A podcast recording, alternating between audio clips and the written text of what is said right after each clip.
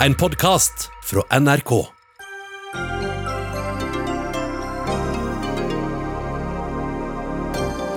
Grått, kraftløst, urettferdig. Slik beskriver opposisjonen regjeringas siste krisepakke. Men ingen stiller spørsmål ved den rekordhøye oljepengebruken. Opptøyene i Minneapolis i USA sprer seg til andre deler av landet. Hvor utbredt er rasisme i politiet der? Regjeringa vil at innvandrere skal bli bedre i norsk før de får bli norske statsborgere, og sier det vil gi bedre integrering. Store deler av fagmiljøet tror det kommer til å føre til det motsatte. Og stemmerett for 16-åringer er aktuelt igjen, men innvendingene er mange. De er jo ikke myndige engang, svarer Unge Høyre.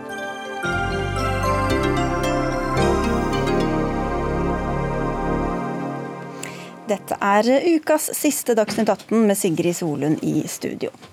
Aldri før har Norges oljepengebruk vært høyere, og i dag la regjeringa nye 27 milliarder kroner på bordet for å få folk tilbake i arbeid. De store pengene går bl.a. til bedrifter som kan få lønnsstøtte for å ta tilbake permitterte ansatte, tiltak for å holde aktiviteten oppe i byggebransjen og en egen grønn omstillingspakke. Og finansminister Jan Tore Sanner, dere har sikkert hatt veldig mange forslag på bordet som dere har vurdert. Hva var det som gjorde at dere prioriterte akkurat disse tiltakene? Vi er jo nå gjennom den mest eh, kritiske fasen av eh, koronakrisen. Vi har nå fått eh, smitten ned. Vi begynner å åpne opp smitteverntiltakene, slik at folk kan komme i aktivitet. Og Det som har vært viktig for oss, det er at flere permitterte kan komme tilbake i jobb. For Går du lenge permittert, så kan veien være veldig langt tilbake. Så at flere permitterte kommer tilbake, det er viktig. Så er det viktig at eh, de som eh, ofte står langt fra arbeidsmarkedet, det kan være innvandrere, det kan være personer med lite utdanning, eh, at vi løfter dem gjennom å satse på utdanning og bedre integrering. Så er det også slik at vi nå må tenke på hvordan vi kan få mer aktivitet, få flere bedrifter opp og, opp og gå. og Derfor så satser vi nå på, på, omstilling gjennom forskning og innovasjon, gjennom å satse på eh, byggesektoren, eh, og ikke minst eh, det grønne skiftet. Vi må nå sørge for at, at vi også får ned klimautslippene, og at vi tenker langsiktig. Vi kan spare det grønne skiftet litt i noen minutter, men det er altså sånn at først så slapp bedriften bedriftene å betale permitterte ansatte. Nå får de tilskudd for å ta dem tilbake. Hva med de bedriftene som har eh, kjempa hardt for å beholde sine ansatte hele veien? Hvor rettferdig er det overfor dem? Jeg tror vi må erkjenne at eh, det å finne de helt ideelle løsningene i den situasjonen vi nå har vært, det har ikke vært mulig. Men vi var i, i krisesituasjonen etter 12.3, hvor Norge ble stengt ned. Eh, da vedtok Stortinget permitteringsordninger som gjorde at staten tok eh, regningen. Vi fikk på plass en kompensasjonsordning for bedriftene som gjorde at staten tok en del av de faste eh, kostnadene. Når vi nå åpner opp så må vi sørge for at eh, flere permitterte kan komme tilbake i arbeid. Jeg er veldig glad for at bare i løpet av mai så er det 65 000 som har kommet ut av ledighetskøen og inn i jobb. Det er veldig bra. Men vi, eh, vi vet fortsatt at det er noen hundre tusen som er permittert. Eh, og vi ønsker å gi et krafttak nå, og jeg er glad for at LO, NHO, Arbeiderpartiet og Fremskrittspartiet også har pekt på at det er en god løsning. Det gjør at vi kan få opp mer aktivitet og flere flere permitterte kan komme i jobb, og det er utrolig viktig. Vi må unngå at ledigheten biter seg fast. Hadia Tajik, nestleder i Arbeiderpartiet og finanspolitisk talsperson. Kraftløst og urettferdig var deres første reaksjon. For å ta det siste, hva er det som er det urettferdige her? Jeg håper jeg kan si noe litt hyggelig først, bare for å starte på en positiv tone. Altså, Nei, det er forbudt. altså, eh, noe jeg syns er bra da, med det som Jan Tore Sanner har lagt fram i dag, det er at de kommer med dette forslaget om lønnstilskudd. Det er viktig å få folk over i jobb igjen. Det må være et mål at vi gradvis kommer tilbake til en normal situasjon. Og så vil jeg jo gjerne utfordre han på hvorfor de ikke med en gang samtidig òg stiller krav om at man ikke nedbemanner når man får lønnstilskudd, for det ser jeg jo at man gjør i andre land. Eh, men det var liksom det, var det positive, da. Det, det er dessverre likevel sånn at Hovedinntrykket fra denne krisepakken er at den er ganske sosialt urettferdig. Vi vet jo at krisen i seg selv den har rammet ganske skjevt. De som har minst, er blant de som er rammet mest. Og, og likevel så tar regjeringa seg altså råd til å kutte 1,3 milliarder kroner i formuesskatten. Det er en skatt som er veldig treffsikker for å være omfordelende, fordi det er de som har mest, som betaler mest. Du skal få fortsette med bare for å ta tak i det først, Sanner. For det er jo gjerne sånn at økonomene flest mener at det er i selskapsskatten eller inntektsskatten som bør kuttes først, hvis det er arbeidsplasser som er eh, målet. Hva slags beregninger eller eh, bevis holdt jeg på å si, har dere for at dette kuttet kommer til å skape eller i hvert fall bevare arbeidsplasser? Vi har jo nå gitt eh, store tilskudd fra, fra, staten, eh, dels gjennom statlige lån, dels gjennom statlige tilskudd. Men vi kan ikke bygge det private næringslivet bare på statlige tilskudd. Eh, vi må ha personer som ønsker å satse, investere i norske, norske arbeidsplasser. Og den, det kuttet vi nå gjør, gjør i, i, arbeidende kapital, det handler jo om de som, som eier en, en bedrift, om maskinene bedriftene, om eh, lagre. Vi ønsker å unngå at de må ta utbytte av eh, bedriften for å betale, betale skatt. Men Har dere noe som helst anelse om, om, hvordan det kommer til å slå ut, hvor mange arbeidsplasser det vil generere? Ja, det er ingen tiltak hvor du kan si på forhånd at dette vil gi x antall tusen arbeidsplasser. Men det vi vet, det er at når vi skal ut av denne krisen, så er vi helt avhengig av alle de som vil investere i norske arbeidsplasser, som bruker sine egne penger. Eh, og vi må sørge for at vi får en kombinasjon av de statlige ordningene og også den private kapitalen. Eh, det viktigste vi kan gjøre for å unngå sosial ulikhet, det er at folk kommer tilbake i jobb, at vi får permitterte tilbake i jobb, og at vi satser på utdanning på de som er lite der, der er dere Der, der, er vi jo enige. Mm. Men når det gjelder formuesskatten, så har jo regjeringen kutta i formuesskatten flere år på rad. Og vi har gjentatte ganger utfordra på nettopp det, at eh, hvor mange arbeidsplasser er det dette har skapt? Kan dere dokumentere det? Og hver gang har de måttet svare at nei, de kan ikke dokumentere at det har skapt en eneste arbeidsplass. Det skjer jo ikke i et vakuum heller, så det er kanskje vanskelig å ja, pinpointe Tvert imot så skriver de sjøl i sitt altså nasjonalbudsjettet for 2015 at siden kapitalmarkedene i Norge i det store og det hele fungerer godt, så vil formuesskatten antagelig først og fremst påvirke sparingen. Så da må jeg nesten spørre Jan Tore Sanner, hva er det du vet i dag som tilsier at formuesskatten vil skape arbeidsplasser, som, bare, som din regjering bare for noen få år siden sa at bare ville føre til okay, men hvis vi, hvis vi ikke gjør dette til en ren formuesskattdebatt Veldig kort. Eh, jeg sier ikke noe annet enn det LO-leder Roar Flåten og Trond Giske sa for noen år siden. Nemlig at hvis du, få, hvis du skal redde norske arbeidsplasser, så er det faktisk viktig å redusere skatten på arbeidende kapital. Dette er viktig for å utløse de som ønsker å satse på norske arbeidsplasser.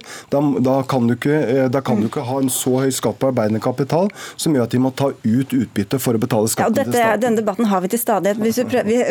Det er mange ting her, så vi må igjennom litt flere. Sylvi Listhaug, nestleder og finanspolitisk talsperson i Fremskrittspartiet. Det er dere dere regjeringa kommer til å henvende seg til først, og hva kommer dere da til å ha som krav og ønsker inn i denne pakka? Nei, la meg først si at det er mye bra i denne pakka, men eh, f.eks. på vei så er det jo ingenting.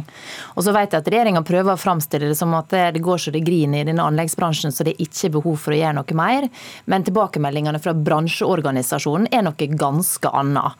Derfor så blir det for vår del veldig viktig at vi nå får eh, satt av en stor sum eh, som gjør at vi kan ruste opp veiene våre i Norge, ta fatt i prosjekt som er gryteklare, slik at vi får sysselsatt eh, norske entreprenører og bidra til bedre veier uten bompenger. Men hvis vi ser på aktivitetsnivået, så er det jo ikke bygg og anlegg og veibygging som har vært rammet primært av koronakrisa. Så utover at det er eh, primærpolitikk for Fremskrittspartiet å satse på, på, veibygging, hvorfor er det da her dere vil sette inn støtet? Ja, altså det er jo det tilbakemeldingen er fra bransjeorganisasjonene, at den krisa er i ferd med å komme. Nettopp fordi at ordrebøkene begynner å bli tomme. Da må vi gjøre noe med det. Det andre jeg vil si er at eh, altså, Norge er en havnasjon og vi skal fortsette å være det. Men da må man gjøre noe for den maritime sektoren. Vi vet at verftene er i ferd med å eh, slite veldig tungt. Eh, går de dukken og stenger dørene, så er det lite sannsynlig at de kommer på plass igjen. Og den pakka som regjeringa la fram når de var på Vestlandet og besøkte noe verft i Møre, det ble rett og slett tatt imot som et mageplask av næringa. Så vi er nødt til å gjøre, forbedre den kraftig. Og så er vi jo veldig uforstående til at i en tid der det handler om å redde arbeidsplasser og bidra til å sikre de som nå er permittert å komme ut i, jobb igjen. Så skal vi bruke over 400 millioner kroner på integrering, når vi allerede bruker 9,8 milliarder det. Det var, det var mange innspill her, Sanner, hvis du kan få kvittere ut et par av dem? Ja, La meg ta, ta sats, innsatsen for, for, integrering først. Jeg mener det er utrolig viktig at at vi i denne krisen klarer å løfte flere inn i arbeidsmarkedet. Vi må inkludere flere. Så her er det de som har vært utenfor hele tiden som skal inn, da? Ikke de som nå er, har mista jobben? Vi vet at veldig mange innvandrere de er sist inn og først ut. Skal vi sørge for at flere kan være del av arbeidslivet og bidra og betale skatt, så må vi også ha en enda bedre integreringspolitikk. Eh, og Det vi nå gjør, det handler om norskopplæring og det handler om innvandrerkvinner. Og så er jeg helt enig i at vi må, eh, når det gjelder de andre sakene, at vi eh, må satse på, på, på verftsindustrien. Det vi har gjort, bare for å si det, vi har gått igjennom sektor for sektor og se hva er det som kan startes opp nå, raskt. Og da har vi sett at det er noen, noen prosjekter som vi kan fremskynde, og de har, vi, de har, vi, foreslått. Men vi skal være lydhøre for de innspillene som kommer fra partiene i Stortinget, og se hva vi kan gjøre enda bedre. Men det, som, det er altså 9,8 milliard kroner allerede til integrering. Og så vet vi det at det er mange som kommer til å slite på arbeidsmarkedet. Men, men dere snakker jo veldig ofte om integrering. Dere snakker ikke så ja. positivt om innvandring, men veldig positivt om, om integrering. Så hvis dette er noe som kan få folk fra å være en utgiftspost og til å bli en inntektskilde, hvordan kan dere da være mot det? Fordi vi allerede bruker 9,8 milliard kroner på det i år, og mener det er mer enn nok penger til å bruke på det området. Og det er mange som kommer til å slite på arbeidsmarkedet nå. Altså, ta da, altså eh, eh, eh, varehandelen. Massevis av arbeidsplasser som kommer til å stå i fare. Massevis av personer som jobber i den bransjen som kommer til å få utfordringer. Og Da er det et signal når man velger å prioritere sånn. Men så må jeg bare si, for det, når jeg hører på Arbeiderpartiet og, og denne formuesskatten nå er vi i en situasjon der utrolig mange bedriftseiere eh, rett og slett er redd for livsverkene sine. De er redd for å gå konkurs så begynner man på nytt med denne her misunnelsesretorikken. Okay, vi, vi, går ikke inn i det. for det, vi, vi, har, vi skal, det må jeg bare si. Ja, jeg skjønner, dere er for, for ja, men, kan, men kan du ikke heller bare, for Vi må videre også til, vi har med en person til. men hvis du sier veldig kort, Hadia Tajik, for Du snakket om dette urettferdige. Hvem andre er det du se, hadde sett for deg at skulle få mer spesifikke tiltak da, for å kunne utjevne de urettferdene du mener fins? Altså, Sanner løfta jo frem LO-sjefen som et sannhetsvitne her i stad for en annen del av argumentasjonen sin. Men dagens LO-sjef frykter jo masseoppsigelser pga. denne krisepakken som regjeringen nå har lagt fram. Bl.a. fordi regjeringen ikke har foreslått flere permitteringsuker.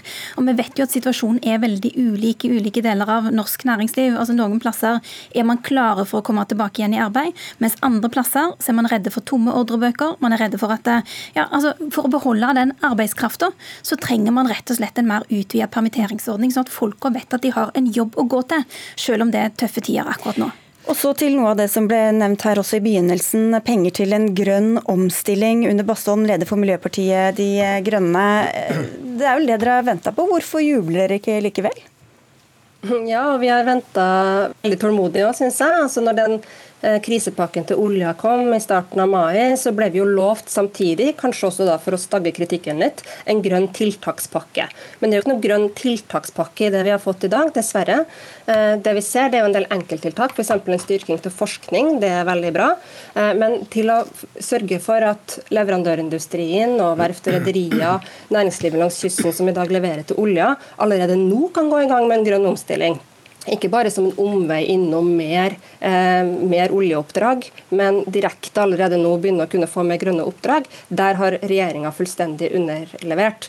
Og Det syns jeg er så synd, for det her var virkelig muligheten til å sørge for at krisepakkene vi har sørga for å forhandle fram til næringsliv og til folk eh, de siste månedene, ikke skal gjøre oss mer oljeavhengig.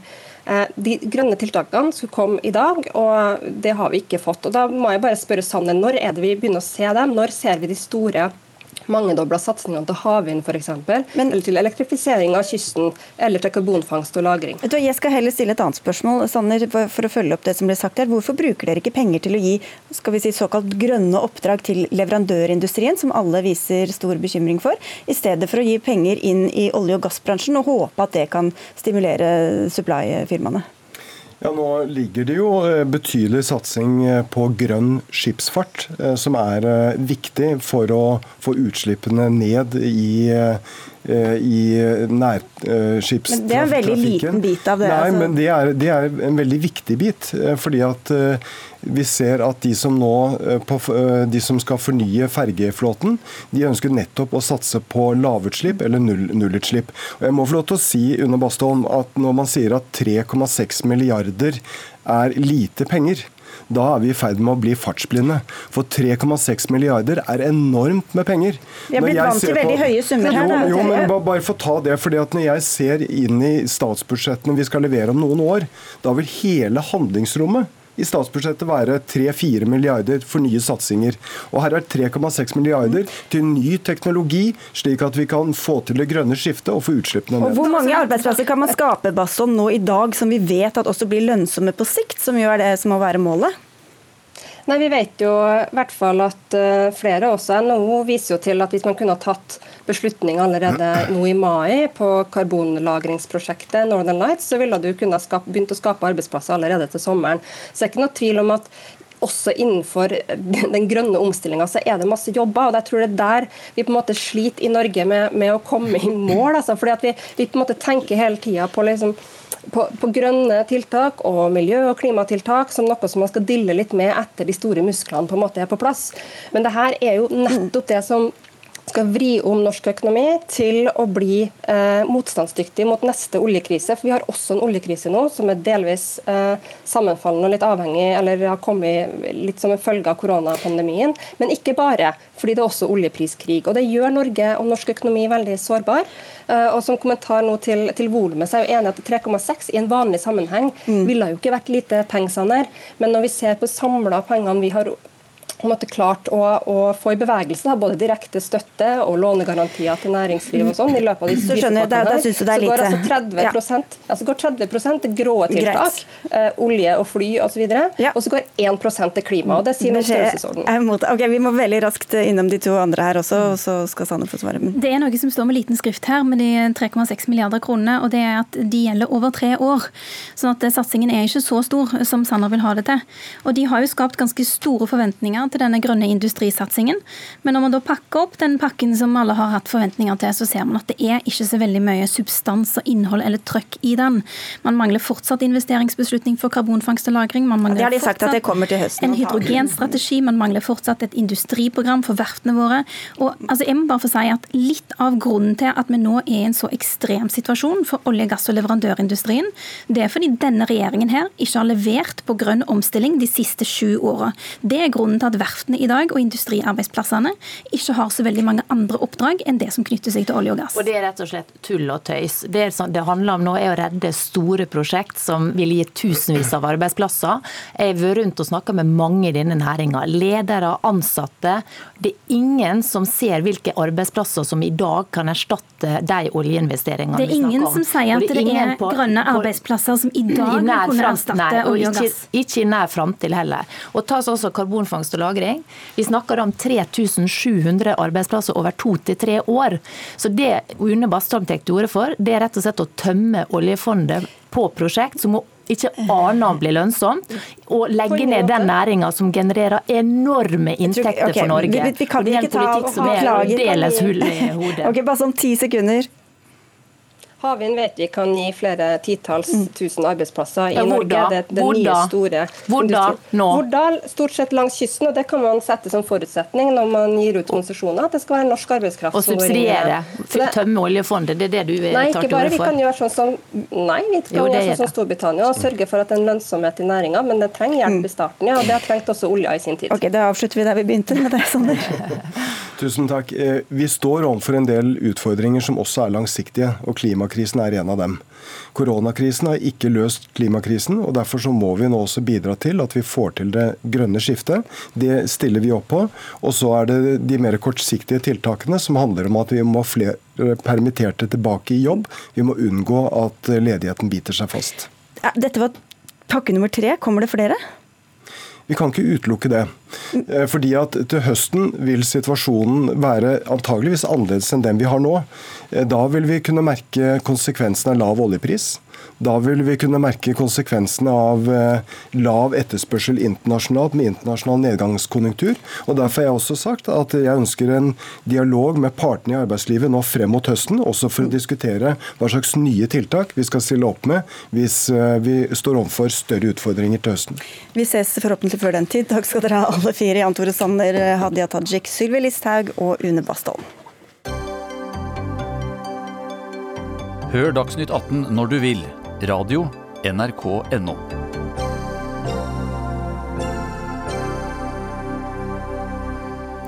Guvernøren i Minnesota i USA har erklært unntakstilstand etter den tredje dagen med voldsomme demonstrasjoner.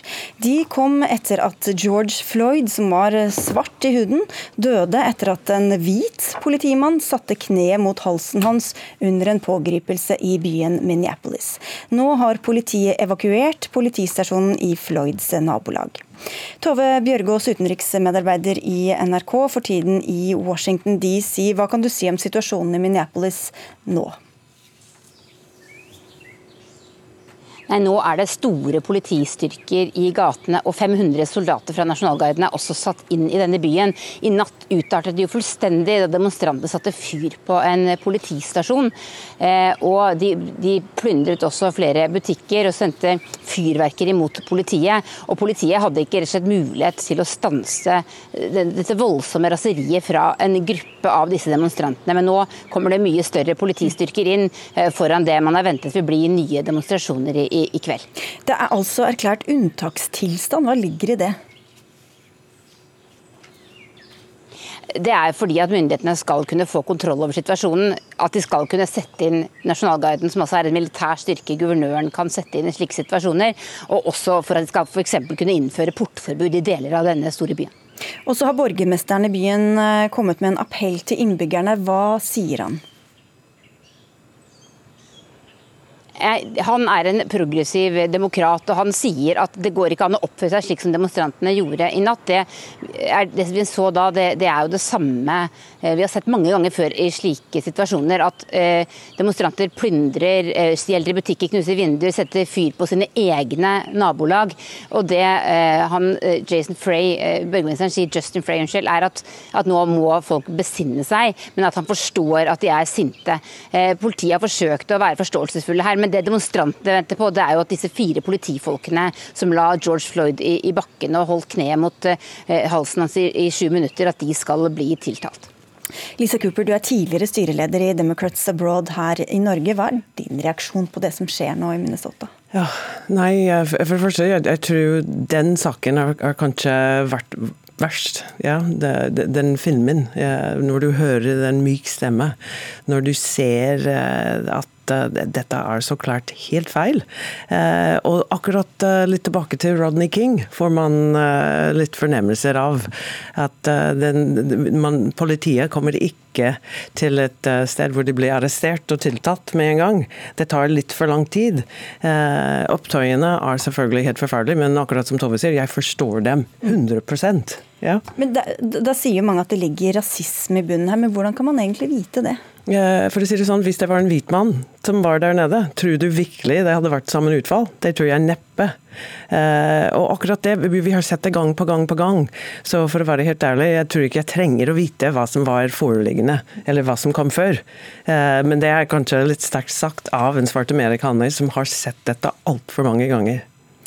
Helene Oppen Ingebrigtsen Gundhus, du er professor ved Institutt for kriminologi og rettssosiologi ved Universitetet i Oslo. Hva, hva ligger bak da, disse voldsomme demonstrasjonene, som ikke springer ut i et vakuum, selvfølgelig? Nei, det er For det første så er jo Trump har vært veldig tydelig ute med at han har vært oppfattet som svakt lederskap hvis man ikke har en på en måte repressiv makt og autoritet i politistrategien. Man kan jo da trekke litt tilbake til to forskjellige konkurrerende posisjoner i politistrategier. Da. De som definerer kriminalitet og ordensproblemer og opptøyer blant svarte som et kulturelt problem. Eh, noe som er noe som de selv eh, er skyld i, mens man kan bruke mer repressive virkemidler for å gjøre noe med det. På den andre siden så har man jo, sånn som vi tenker i Norge mye mer, med at man definerer kriminalitet og ordensproblemer blant minoritetsbefolkningen som et sosioøkonomisk problem.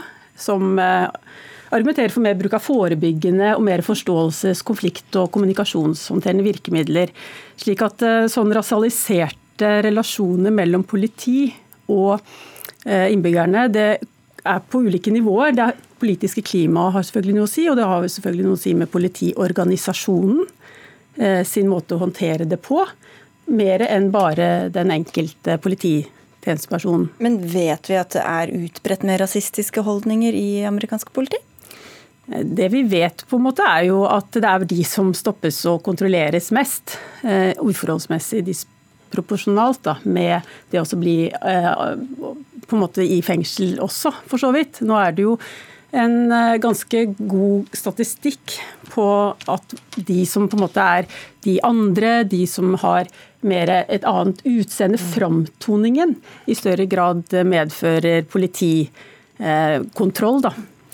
Hva slags forhold vil du si det er Cooper, generelt mellom den svarte delen av befolkninga og politiet? Jeg tror det er svart betent. Eh, de fleste svarte amerikanere er redd for politiet. De, de, de, de sier selv at, at, eh, det å være en ung svart mann, da, da er du ja, nesten en dødsmerke på deg.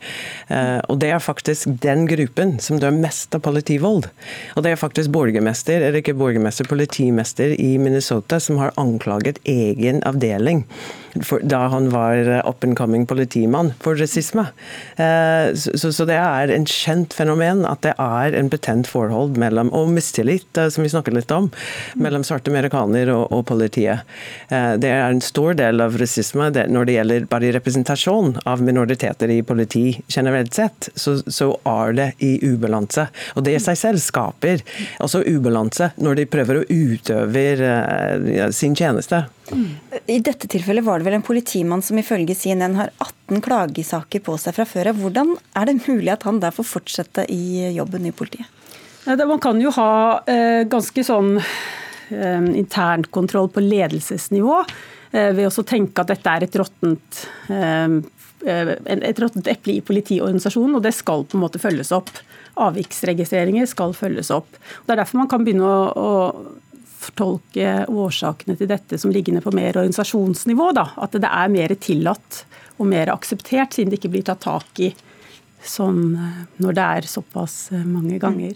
Hva blir sagt om disse tingene nå i dag og i disse dagene som har vært eh, i USA, Bjørgaas?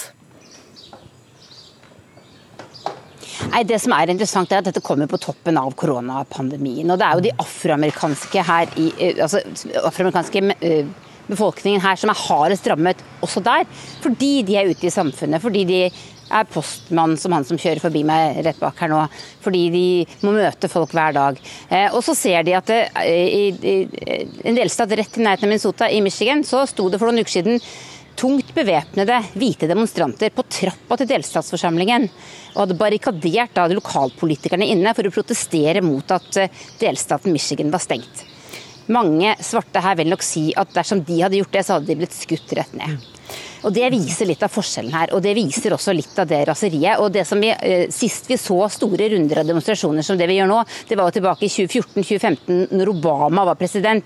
Siden da så har jo dette sinnet økt. Eh, og, og, og, det er klart at eh, polariseringen og spenningen er større enn den noensinne har vært. Ja, Cooper, Du sa du har forståelse for demonstrantene, men de plyndrer, de brenner, de driver med vold. Altså, hvor, kanskje, altså, hvor konstruktivt er det? Jeg skjønner at ikke det er konstruktivt, men, men, men det skaper bare enda større motsetninger da, i ja, samfunnet? Ja, det, det, er klart. Og, og man skal ikke ty til, til vold. og jeg syns akkurat det, den er eh, veldig ufordelaktig. Men, men, men bare tenk tenk, det er en som er død. Han kommer ikke tilbake. You know, hvis man skal virkelig dra den lange linje, du kan reparere alle bygninger og, og, og veier osv., men en, en, person har dødd her. Ja. Eh, og den liven kommer ikke tilbake. Eh, men vold er dessverre det, you know, det, det går eh, også de, de hvite, som, eh, som, Tove har også nevnt, som også utover mye vold i forbindelse med en, eh, en opprørssak. Eller, you know, det, det, er mye emosjoner. Uh, og det er mye sinne uh, som er veldig berettiget.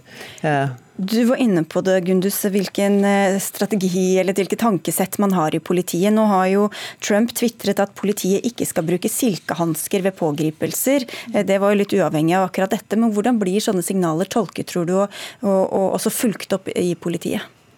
De er jo jeg vil først si at Det er jo ganske belastninger over tid som gjør at det på en måte blusser opp blir sånn veldig raseri, og mer en sånn opplevd sånn urettferdighet forskjellsbehandling over tid. Og den, um, Det er jo en del bivirkninger da, av uh, en overkontroll når det er veldig lite beskyttelse. For det, det som ofte går sammen, er nettopp at det er en underbeskyttelse av uh, visse grupper, som defineres mer som den andre. Da. Og, ja. Mm. Nå er altså dette i ferd med å spre seg, disse opptøyene til andre deler av USA. Tove Bjørgaas, hvor eh, er det det blir fanget opp, og hvor er reaksjonene sterkest der? Ja, Det er en rekke steder. I Kentucky eh, var det store demonstrasjoner i natt. og Da skjøt også politiet med gummikuler mot demonstrantene. Det har vært demonstrasjoner i Los Angeles. I New York er det demonstrasjoner i dag. I Columbus, Ohio ber myndighetene folk holde seg i ro. Det er jo veldig problematisk også i denne situasjonen. USA begynner akkurat å åpne igjen litt i dag. Her i Washington åpner de første utekafeene forsiktig i dag, og frisørsalongene. De ligger jo mange uker etter eh, oss slik sett. Eh, så å få masse store folkemengder ute i gatene fra miljøer man vet det er mye smitte i, er jo ikke noe politiet ønsker. Så, så nå forsøker man å, å, å, roe gemyttene her, og det er jo det som er viktig. Å forsøke å roe gemyttene ned. Men, men, det er jo en tiltale, som sagt, disse demonstrantene venter på. Og i mange tidligere slike saker så har vi sett at politifolkene ikke er blitt tiltalt for drap. Eh, og det eh, vet vi ikke om de kommer til å bli denne gangen, men, men, men det er historien her. Og du følger med videre. Takk skal du ha, Tove Bjørgaas. Og tusen takk også til dere, Helene Oppen Ingebrigtsen Gundus fra Universitetet i Oslo, og Lisa Cooper, som altså var tidligere styreleder i Democrats Abroad Norge.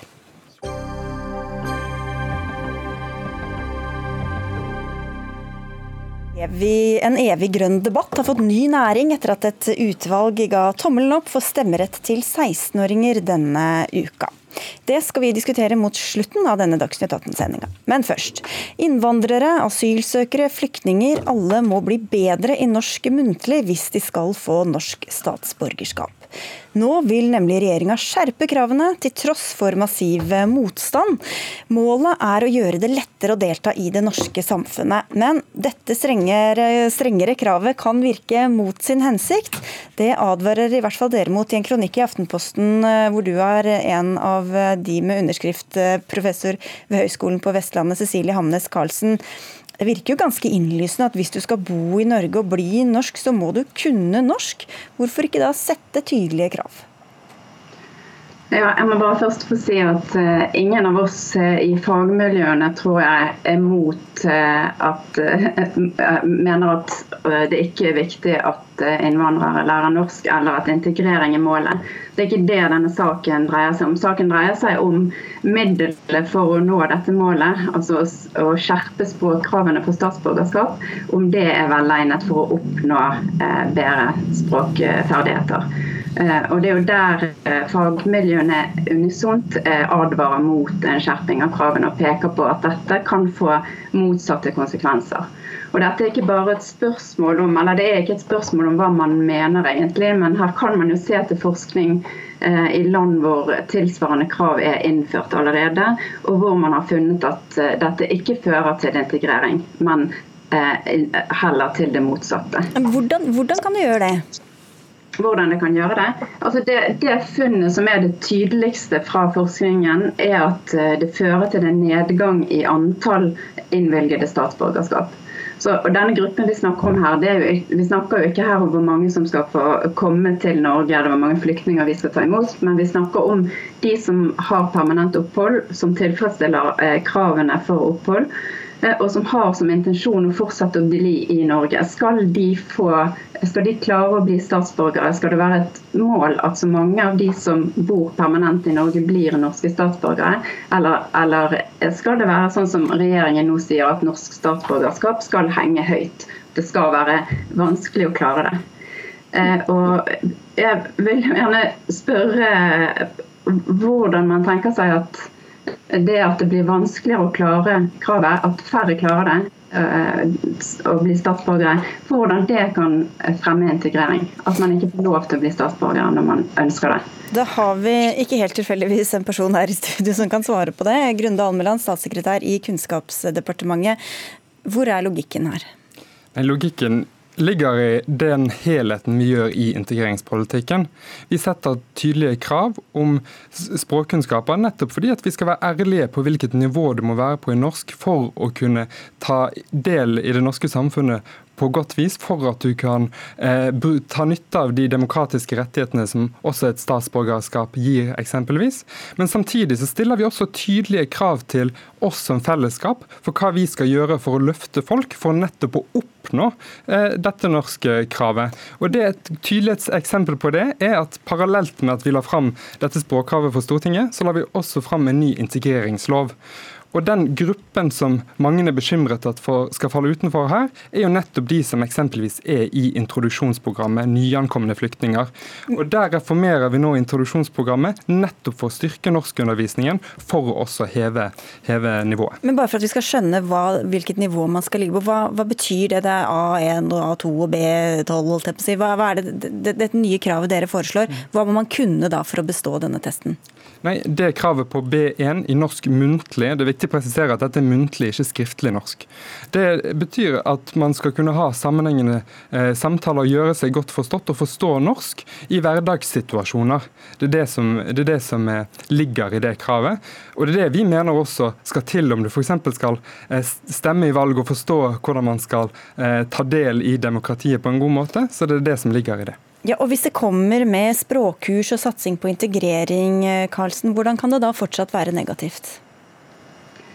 Eh, det, det, som er det viktige å, å, huske på her, er at innvandrerbefolkningen er veldig sammensatt. Det er mange innvandrere som, har, som ikke vil ha noe problem i det hele tatt med å klare B1 muntlig.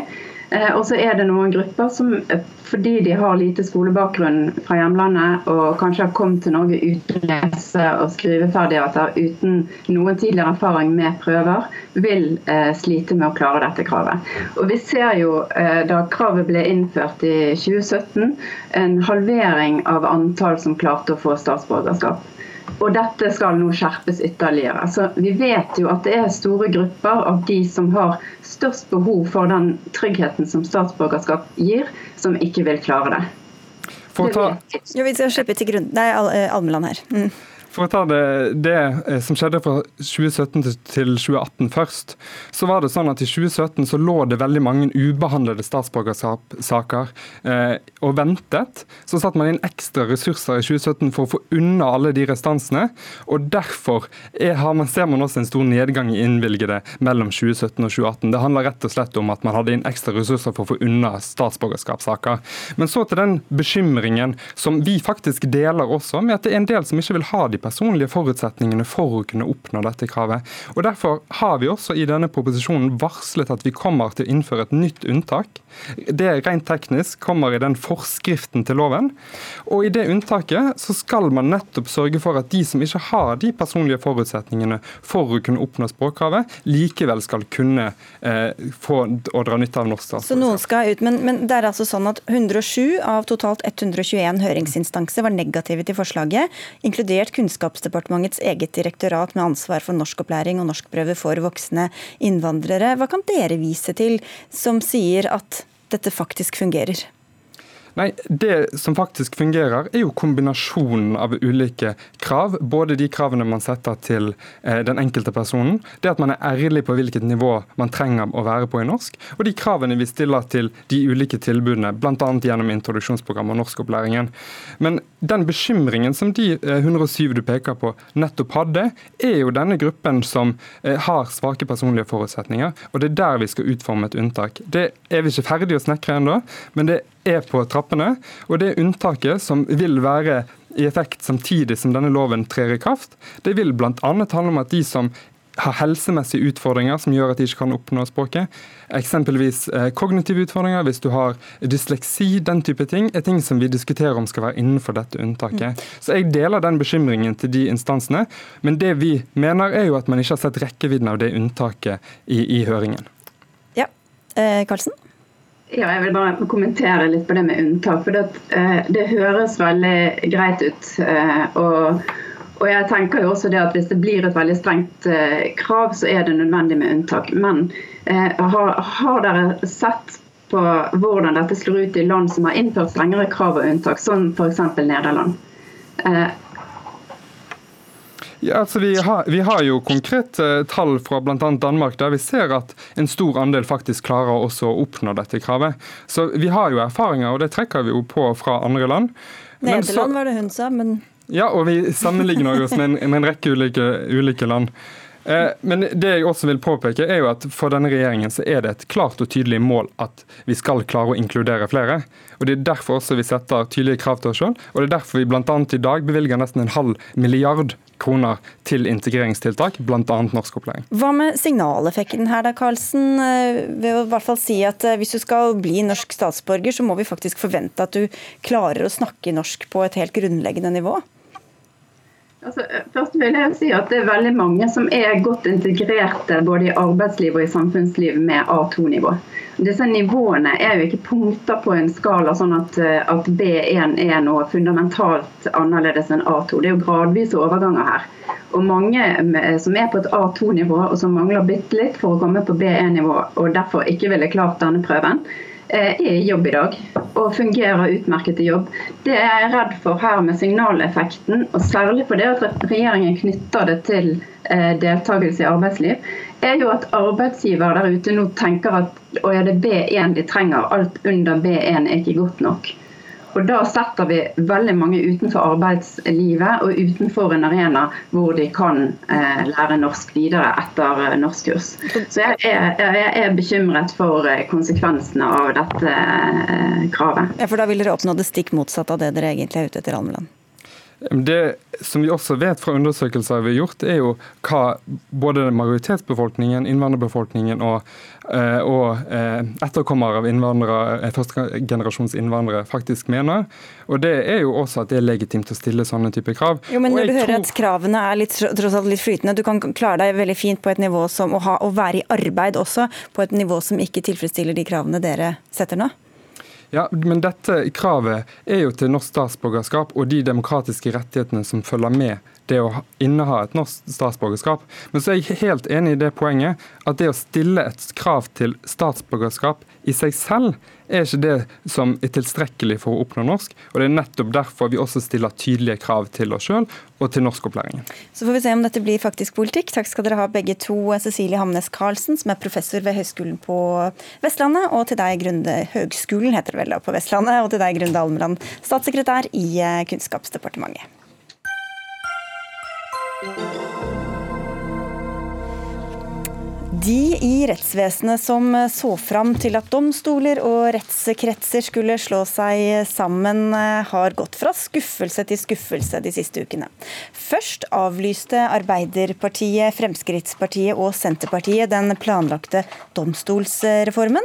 Og så denne uka sa de nei til at fire tingretter i Østfold skulle få slå seg sammen, og stanset også sammenslåingen av Øvre og Nedre Romerike tingrett. Sammenslåingene var frivillige, men opposisjonen Opposisjonen var altså imot, og det får deg til å reagere, Bård Tønder. Du er styreleder i Domstoladministrasjonen. Hva er det som er så gærent her? Stortinget har satt opp retningslinjer for hva Domstoladministrasjonen kan gjøre når det gjelder å slå sammen domstoler. Og det er at det må være lokal enighet. Og I begge disse tilfellene, både i Østfold og på Romerike, så har det vært et eh, lokale initiativ fra vedkommende domstol, domstoler. Og eh, både med ledere og med eh, representanter fra ansatte som har underskrevet intensjonserklæring. Og bedt Domstoladministrasjonen om å bistå med dette. Og det har da eh, medført at vi har eh, arrangert forskjellige møter med eh, interessenter i disse områdene. Vi har forelagt saken for regjeringen. Og saken har jo til og med vært i Stortinget i forbindelse med budsjettbehandling i, til høsten. Og regjeringen har i kong, altså med kongen i statsråd vedtatt at det skal være sammenslåingen av disse. Saken var faktisk kommet så langt at det var under det var, det var foretatt intervju av sorenskriverkandidater. Så når det var nære på at dette skulle skje, så får vi altså beskjed fra Stortinget om at dette blir stanset. Og det er veldig overraskende for oss, i og med at vi her har fulgt fra punkt til prikke de retningslinjene som Stortinget selv har staket opp. Og så kommer det i en konkret sak og sier stopp. Så Stortinget sa sånn, på denne måten kan dere gjøre det, og så gjør de det sånn. Og så i tolvte time så stanser dere det. Emilie Enger Mehl, du er justispolitisk talsperson for, for Senterpartiet. Skjønner du at de er både overraska, skuffa og kanskje sinte? Altså Senterpartiet og det flertallet som har stoppet disse sammenslåingene nå på Stortinget, opplever jo denne saken på en ganske annen måte. Vi opplever at vi har stoppa den hovedsakelig av to grunner. Det ene er jo at vi har fått mange tilbakemeldinger på at prosessene som har leda fram til sammenslåinger i Østfold og på Romerike, ikke har vært gode og ikke har sikra en bred nok lokal forankring, sånn som retningslinjene til Stortinget tilsier. Og det andre er jo at vi, det har skjedd en stor utvikling i denne saken i det siste, fordi at stortingsflertallet har gått sammen og sagt at vi ønsker ikke en stor sentralisering av domstoler i Norge. Og Da er det naturlig at det også gjelder Romerike og Østfold. Men Hvis vi sammenligner det med kommunesammenslåing, da, så var jo dette da, de vil selv slå seg sammen. De mener selv at dette er mest hensiktsmessig. Hvorfor skal da Stortinget eh, i siste runde si nei, men det får ikke lov til det likevel? Men da er jo spørsmålet hvem er det som skal legge grunnlag for en frivillighet? da? Fordi I disse tilfellene så er det sorenskriverne som har gått sammen om å si at vi vil frivillig slå sammen. Men hvordan domstolene er organisert, det er et stort spørsmål som berører mange flere enn bare sorenskriverne og de ansatte i domstolen, som selvfølgelig skal ha noe å si, men det er ikke det eneste. Her har vi kommuner, vi har advokatmiljøer rundt. Vi har, det er også sånn at domstolenes organisering er et, et spørsmål av stort viktighet viktige som jeg mener at det er naturlig å se på, på en, med et nasjonalt overblikk. Og Derfor så er det ikke tilstrekkelig, mener vi, at to sorenskrivere, eller, eller, tre, da, som det er tilfellet i Østfold, bare kan gå sammen og si at vi legger oss selv ned, og så uten at andre egentlig blir hørt. Det er ikke det som har skjedd her. Det, det har jo vært foretatt en høring både på Romerike og i Østfold og på Romerike tror jeg ikke det var en eneste eh, negativ eh, høringsuttalelse. Det var eh, iallfall den rapporten jeg har fått. Og på, i Østfold så var av 16 høringsuttalelser så var 11 for. Og så kan man selvfølgelig diskutere skal det være 100% eller er det nok at en liten gruppe skal kunne stanse dette. Og vi mener det at i begge disse stedene her så var kravet til eh, lokal enighet oppfylt, og det mener også regjeringen for øvrig. Altså, det stemmer jo ikke helt. fordi at eh, for På Romerike da, så var det høring. Den ble sendt ut rett før sommerferien i fjor sommer. Eh, og Av de kommunene, det er 13 berørte kommuner, så var det bare fire som valgte å uttale seg. Og Av de fire så sier alle vi er positive hvis eh, tingretten kommer til vår kommune. Og det vil jo si, og det er jo umulig. Så f.eks. Eidsvoll, som da har sagt det er greit hvis tingretten ligger på Eidsvoll, de er jo ikke positive hvis tingretten kommer, havner i Lillestrøm. Og tilsvarende så har jo Skedsmo kommune sagt det er greit hvis tingretten kommer til Lillestrøm, men ikke hvis den havner på Eidsvoll. Så det er jo ikke en, en, helt enighet i det. Og det samme i, i, i, Østfold så er det mange som har vært kritiske til dette her. Det er ansatte i tingrettene. Justiskomiteen har fått brev fra Moss kommune, et enstemmig kommunestyre i Moss, som sier vi ønsker at dere stopper denne prosessen fordi at den har vært en dårlig prosess. Vi er ikke nødvendigvis negative til sammenslåing, men vi krever en bedre involvering. Men, du, har de brutt de retningslinjene som Stortinget faktisk satte? Kan du altså, vise spørsmålet det? om sammenslåing eh, i Østfold f.eks. for eksempel, var jo oppe i Stortinget i 2016. Og da sa stortingsflertallet, det var også eh, i en budsjettproposisjon, da sa stortingsflertallet at eh, vi ønsker ikke å gjennomføre noen sammenslåinger nå. Hvis det kommer lokale eh, initiativ som har god forankring og god prosess, så er det greit. Men vi opplever at Domstoladministrasjonen, som har jobba for en stor, stor domstolsreform i en årrekke. Har starta på det med å gå til domstoler og si det kommer til å bli en stor domstolsreform. Dere burde inngå en avtale med oss, sånn at vi kommer i gang. Og nå er den forutsetningen borte, for det blir ingen stor domstolsreform. Mm, så dere har villedet nærmest da, ut fra det? Nei, dette er uh, åpenbart uh, feil uh, fremstilling. fordi dette er ønsket fra disse domstolene. Det er helt på det rene. Og det, og det, har veldig mange gode grunner for det. Både for de som jobber der og domstolene, men ikke minst for befolkningen i disse områdene. Å få domstoler som er robuste, og som er faglig godt kvalifiserte, og som er i stand til å, å holde saksbehandlingstider, slik at folk ikke behøver å vente så veldig lenge på å få en rettsavklaring i, sine saker. Men hvis folk har vært så positive, hvorfor har det da kommet disse bekymringsmeldingene fra kommunene og fra befolkningen? Jeg har ikke hørt om de, og det er helt nytt for meg at det skulle være noen bekymringsmeldinger her. Jeg vet at det er eh, noen dommere i, i Moss som har uh, protestert. Det har jeg vært kjent med hele tiden. Men vi kan ikke eh, operere med at noen få, en liten gruppe, skal ha vetorett i sånne saker. 100% enighet, det får man vel sjelden? Nei, men det, viktig, det, er jo viktig at man får en god prosess. Og vi har jo sagt nå i Stortinget vi mener at disse burde stilles i bero. For hvis ikke så er det jo for sent å gjøre noe med det. Hvis det er sånn at regjeringen og Domstoladministrasjonen fortsatt ønsker å presse gjennom sammenslåinger i Østfold og på Romerike, ja, så kan vi komme til Stortinget med en sak, og så kan vi behandle det på en skikkelig og demokratisk måte. Og jeg syns det er veldig rart at ikke Domstoladministrasjonen har fått med seg at det er kritiske røster her. F.eks. for eksempel så er jo Halden tingrett da, det er jo en av de tingrettene som nå skulle blitt en del av nye Østfold. Mm. Og i 2018 eh, gikk eh, sorenskriveren i Halden av med pensjon, og det ble da ikke ansatt noen ny sorenskriver, men da ble heller den som allerede var sorenskriver, Fredrikstad, også leder for Halden. Og Da sa de ansatte i Halden vi ønsker vår egen leder, vi er redd for at dette vil føre til en sniksammenslåing. Og nå er vi to år senere, og så har man ikke fått med seg engang at det er delte meninger om det her. i Nei, men, Det synes jeg er veldig rart. Men hør nå her. Det er helt riktig at eh, da det ble etablert felles ledelse, som det heter, mellom Fredrikstad og Halden, så var, så det var mange kritiske røster i Halden. Men felles ledelse er noe annet mm. enn sammenslåing av domstoler. Mm. Og det har vært en suksess, denne eh, etableringen av felles ledelse mellom Halden og Fredrikstad. Vi er nødt til å avslutte, men helt kort, da, hva gjør dere og disse aktuelle domstolene nå? for å Nei, hva skal vi gjøre? Det er Stortinget som bestemmer. Kom ikke og si at vi bare snakker om Oslo, i hvert fall. Takk skal dere ha, begge to. Bård Tønder fra Domstoladministrasjonen og Emilie Enger Mehl fra Senterpartiet.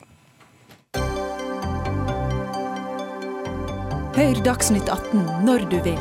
Radio NRK Radio.nrk.no.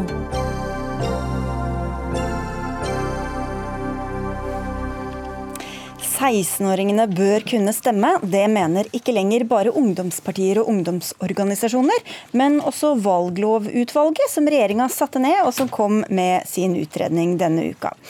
Du er fortsatt negativ, Ola Svenneby. Du er andre nestleder i Unge Høyre. Hvorfor har du ikke latt deg overbevise av det utvalget som din egen regjering eh, eh, ba om å komme med? Jeg tror at jeg har en litt sånn hva skal jeg si, prinsipiell holdning til, til, det å stemme. Fordi I mine øyne så er det å stemme det er en form for å bruke makt. Altså Man kan frata andre rettigheter, man kan gi de rettigheter gjennom stemmeseddelen sin. Eller man kan påføre folk skatt, eller gi, eh, gi folk skattelette. Og Da syns jeg det er litt rart at hvis man skal kunne bruke den makten sin overfor andre. Kan tvinge kommunen for eksempel, til å ta opp mer lån, eller ikke tvinge, men stemme frem at kommunen skal ta opp mer lån. Samtidig som at man jo ikke har makt over eget liv. Man er ikke myndig når man er 18, og jeg mener at det er et selvstendig poeng at man skal være myndig før man har stemmerett. Men man kan gjøre andre ting. Man kan ha seksuell omgang, man kan bli satt i fengsel. Hvorfor er det akkurat dette med myndighetsalder som er det saliggjørende? Jeg, jeg mener at det er det prinsipielt uh, riktigste. og det er klart at ja, Man har en kriminell, kriminell lavalder som er på uh, 15 år, men man blir jo fortsatt behandlet i stor grad Man blir jo ikke behandlet som en voksen hvis man blir straffedømt når man er 15-16-17. Når man er 18, så man, ifølge, er man ifølge lovens øyne myndig. Man har full makt over eget liv. Mens når man er 16-17, så er man fortsatt under foreldres kontroll. og Det syns jeg er prinsipielt vanskelig. Jeg er ikke sikker på om alle foreldrene er enig i det, men eh, Mina Vinje, du er leder for Press, Redd Barnas ungdom, og dere jubla da dette eh, forslaget kom. Eh, hva er det som er så positivt ved 16 års stemmerett? Nei, Vi mener jo at dette er en stor seier for demokratiet, og et veldig stort steg i riktig retning. fordi det her handler jo om at barn og unge har en rett til å bli hørt. Og det du sier da med at uh, man ikke er myndig, og at man, hvis man stemmer, så har man mulighet til å f.eks. gi skatteletter. Jeg tenker jo at 16-åringer de betaler faktisk skatt, så hvorfor skal ikke de også være med å bestemme hva skattepengene skal gå til? Ja, De, de betaler, betaler, skatt, og de har ganske mange andre rettigheter også, men de er ikke myndige. Eh, ifølge FNs barnekonvensjon for eksempel, så er alle som er under 18 år barn. Eh, og Jeg mener at det er et prinsipielt poeng at man skal ikke kunne bruke demokratisk makt overfor andre, så lenge man ikke engang har liksom full eh, makt over eget liv. Og så har en 17-åring åpenbart flere rettigheter enn det f.eks. en 10-åring har, men man er fortsatt ikke myndig. Men hvis man ser på det historisk, da, så har ikke myndighetsalderen og stemmerettsalderen vært det samme. Og jeg tenker også, nå som du dro inn Barnekonvensjonen, det du sa på slutten er veldig viktig. at sånn, Man får flere rettigheter jo eldre man blir. Når man er 15, så får man organisasjonsfrihet. Og mange av de aldersgrensene man har, f.eks. når man er 18, man får ikke lov å kjøre bil, er, og man får ikke lov å kjøpe alkohol, det er for å beskytte deg. Men barn og unge har en rett til å bli hørt. Og det er viktig at barn og unge også kan være med og velge sine egne representanter. Og så vet vi jo at unge kan ha helt andre saker som er viktige for dem enn det som gjelder for de eldre generasjonene. F.eks. Eh, mange unge er opptatt av en mer radikal klimapolitikk. Hvorfor skal ikke de få lov å være med å bestemme for saker som veldig, kan bli veldig avgjørende for deres eget liv? Nei, det er klart at for, Hvis jeg først kan ta det med historiske grunner, da, er det at det ikke har vært en eh, historisk sett en lik stemmerettsalder og myndighetsalder, tenker jeg at det er ikke et argument for noen som helst ting. Det er bare sånn, Da påpeker man at det har det vært, men jeg mener fortsatt at det burde være sånn. Eh, når det kommer til påvirkningskraft til unge, så er det sånn at man har organisasjonsfrihet fra man er 15. Man kan melde seg inn i politiske uh, ungdomsorganisasjoner, og man har også ytringsfrihet så lenge man lever i dette landet her, heldigvis. Uh, slik at jeg mener at unge i dag uh, fortsatt har påvirkningskraft over sitt eget liv. Og jeg syns det er interessant at du sier at man skal beskytte seg selv fra å drikke alkohol, for jeg mener at hvis man er gammel nok til å bestemme framtiden over, over kommunen sin, over fylket sitt, over landet sitt, så bør man også være gammel nok til å ta seg en øl. Ok, Senke grenser for alkohol, da. uh, nei, men jeg mener jo at uh, ja, barn og unge kan melde seg inn i organisasjoner, men å delta i valg er den eneste måten man direkte kan påvirke demokratiet i Norge på. Og jeg mener at det er på tide å utvide demokratiet, sånn at barn også kan delta. Fordi barn bør også bli hørt. Vi bør også kunne være med og bestemme over alle de tingene som man også Eh, blir utsatt for. Og det er også barn og unge i dag som må leve lengst med de konsekvensene av det politikerne bestemmer i dag. og Derfor bør man også være med å kunne bestemme. Men det er vel også sånn at eh, de forsøkene vi har hatt, så er det flere 16-åringer som stemmer enn andre førstegangsvelgere. Samtidig så faller det. altså De som er 18-19-åringer, eh, der stemte 58% i 2019, men 72% av de som var mellom 45 og 66 år som stemte. Så hva sier det for behovet for egentlig å senke stemmerettsalderen? Men man ser jo at det økte for de som var 16 og 17. Og grunnen til at 18- og 19-åringer kanskje ikke stemmer like mye, er fordi de har flyttet fra kommunen sin og er studenter og kanskje ikke har folkeregistrert seg i nye kommunen og ikke kan dra tilbake og stemme. Så jeg tenker, og Hvis man også ser på annen forskning, så ser man at hvis man senker stemmerettsalderen til at 16- og 17-åringer kan stemme, så økes også valgoppslutningen. Men, men det, det, det, er en, det, er ikke nødvendigvis helt riktig. fordi ja, Man har én internasjonal forskning som sier at det gjør det. Eh, men jeg tror ikke det er nødvendigvis er overførbart til Norge. fordi I andre land så er man ikke politisk aktiv før man blir 18 eh, eller kanskje enda eldre. Mens i Norge så gjør man det når man blir 15. Og Det det utvalget som la fram sin rapport i forgårs viste til, og det som står konkret i det utvalget, er jo nettopp at de som fikk eh, være med på dette forsøket og, ha, og stemme i kommunevalget når de var 16-17, de stemte jo i mindre grad når de fylte 21-22, enn det resten av de unge gjorde. Men når du argumenterer med, um, som, som du har gjort nå, med det prinsipielle, hvorfor er det så mye viktigere enn den faktiske påvirkningen unge kan ha gjennom å gå og stemme? Eh, skal det, liksom, det veldig høytsvevende telle så mye mer enn den eh, muligheten de unge skal, skal, få i sitt eget uh, virkelige liv, da? Mm, jeg, jeg, jeg, mener, jeg er liksom uenig med For det første så er jeg uenig med premisset om at Det er ikke lov å være uenig med premisset. jeg er uenig med premisset om at unge ikke har påvirkningskraft. Hvis man f.eks. ser på klima klimastreikene, så dominerte jo det stort sett hele valgkampen 2019. Fikk jo veldig, veldig lite Alle konsekvenser. kommuner, alle kommuner, alle kommuner er, på, er, er um, tvunget til å ha et ungdomsråd. Altså Man har innvirkning i dag, men jeg mener fortsatt at er du gammel nok til å stemme, så burde du f.eks. også være gammel nok til å uh, kjøpe til å, til å ta deg en øl, f.eks. Og den rapporten som evaluerte kommunevalget i 20, uh, 2011, da det var forsøk med 16 og 17 år gammel stemmerett, viste også at de som var 16-17 i stor grad stemte akkurat det samme som foreldrene sine. Så jeg er ikke så redd for en mer radikal politikk heller. Vinje. Eh, nei, det er sant. Eh, at man ikke får mer radikal politikk. For man ser at 16- og 17-åringer stemmer ganske likt som resten av befolkningen. Men det er jo kjempeviktig at barn og unge blir hørt, og at det er bare bra å utvide demokratiet. Og tidligere, historisk også, at man var veldig imot at kvinner skulle få stemmerett, men i etterkant har man sett at det er bra. Ja, men du vet, tida er ute. Jeg skjønner at du er for kvinnelig stemmerett. Det, Ja, det skjønner jeg er jo også. syk sammenligning og sammenligner Nei, det det handler kjønnet om som at er vi vil diskriminert i Dere, 200 år. klokka går, jeg kan ikke gjøre noe med det. Vi får se hvordan eh, politikerne lander på dette utvalget. Takk skal dere ha begge to. Mina Vinje fra Press og Ola Svenneby fra Unge Høyre. Dagsnytt 18 tar langhelg. Dag Dørum, Frode Thorshaug og jeg, Sigrid Solund, takker for oss.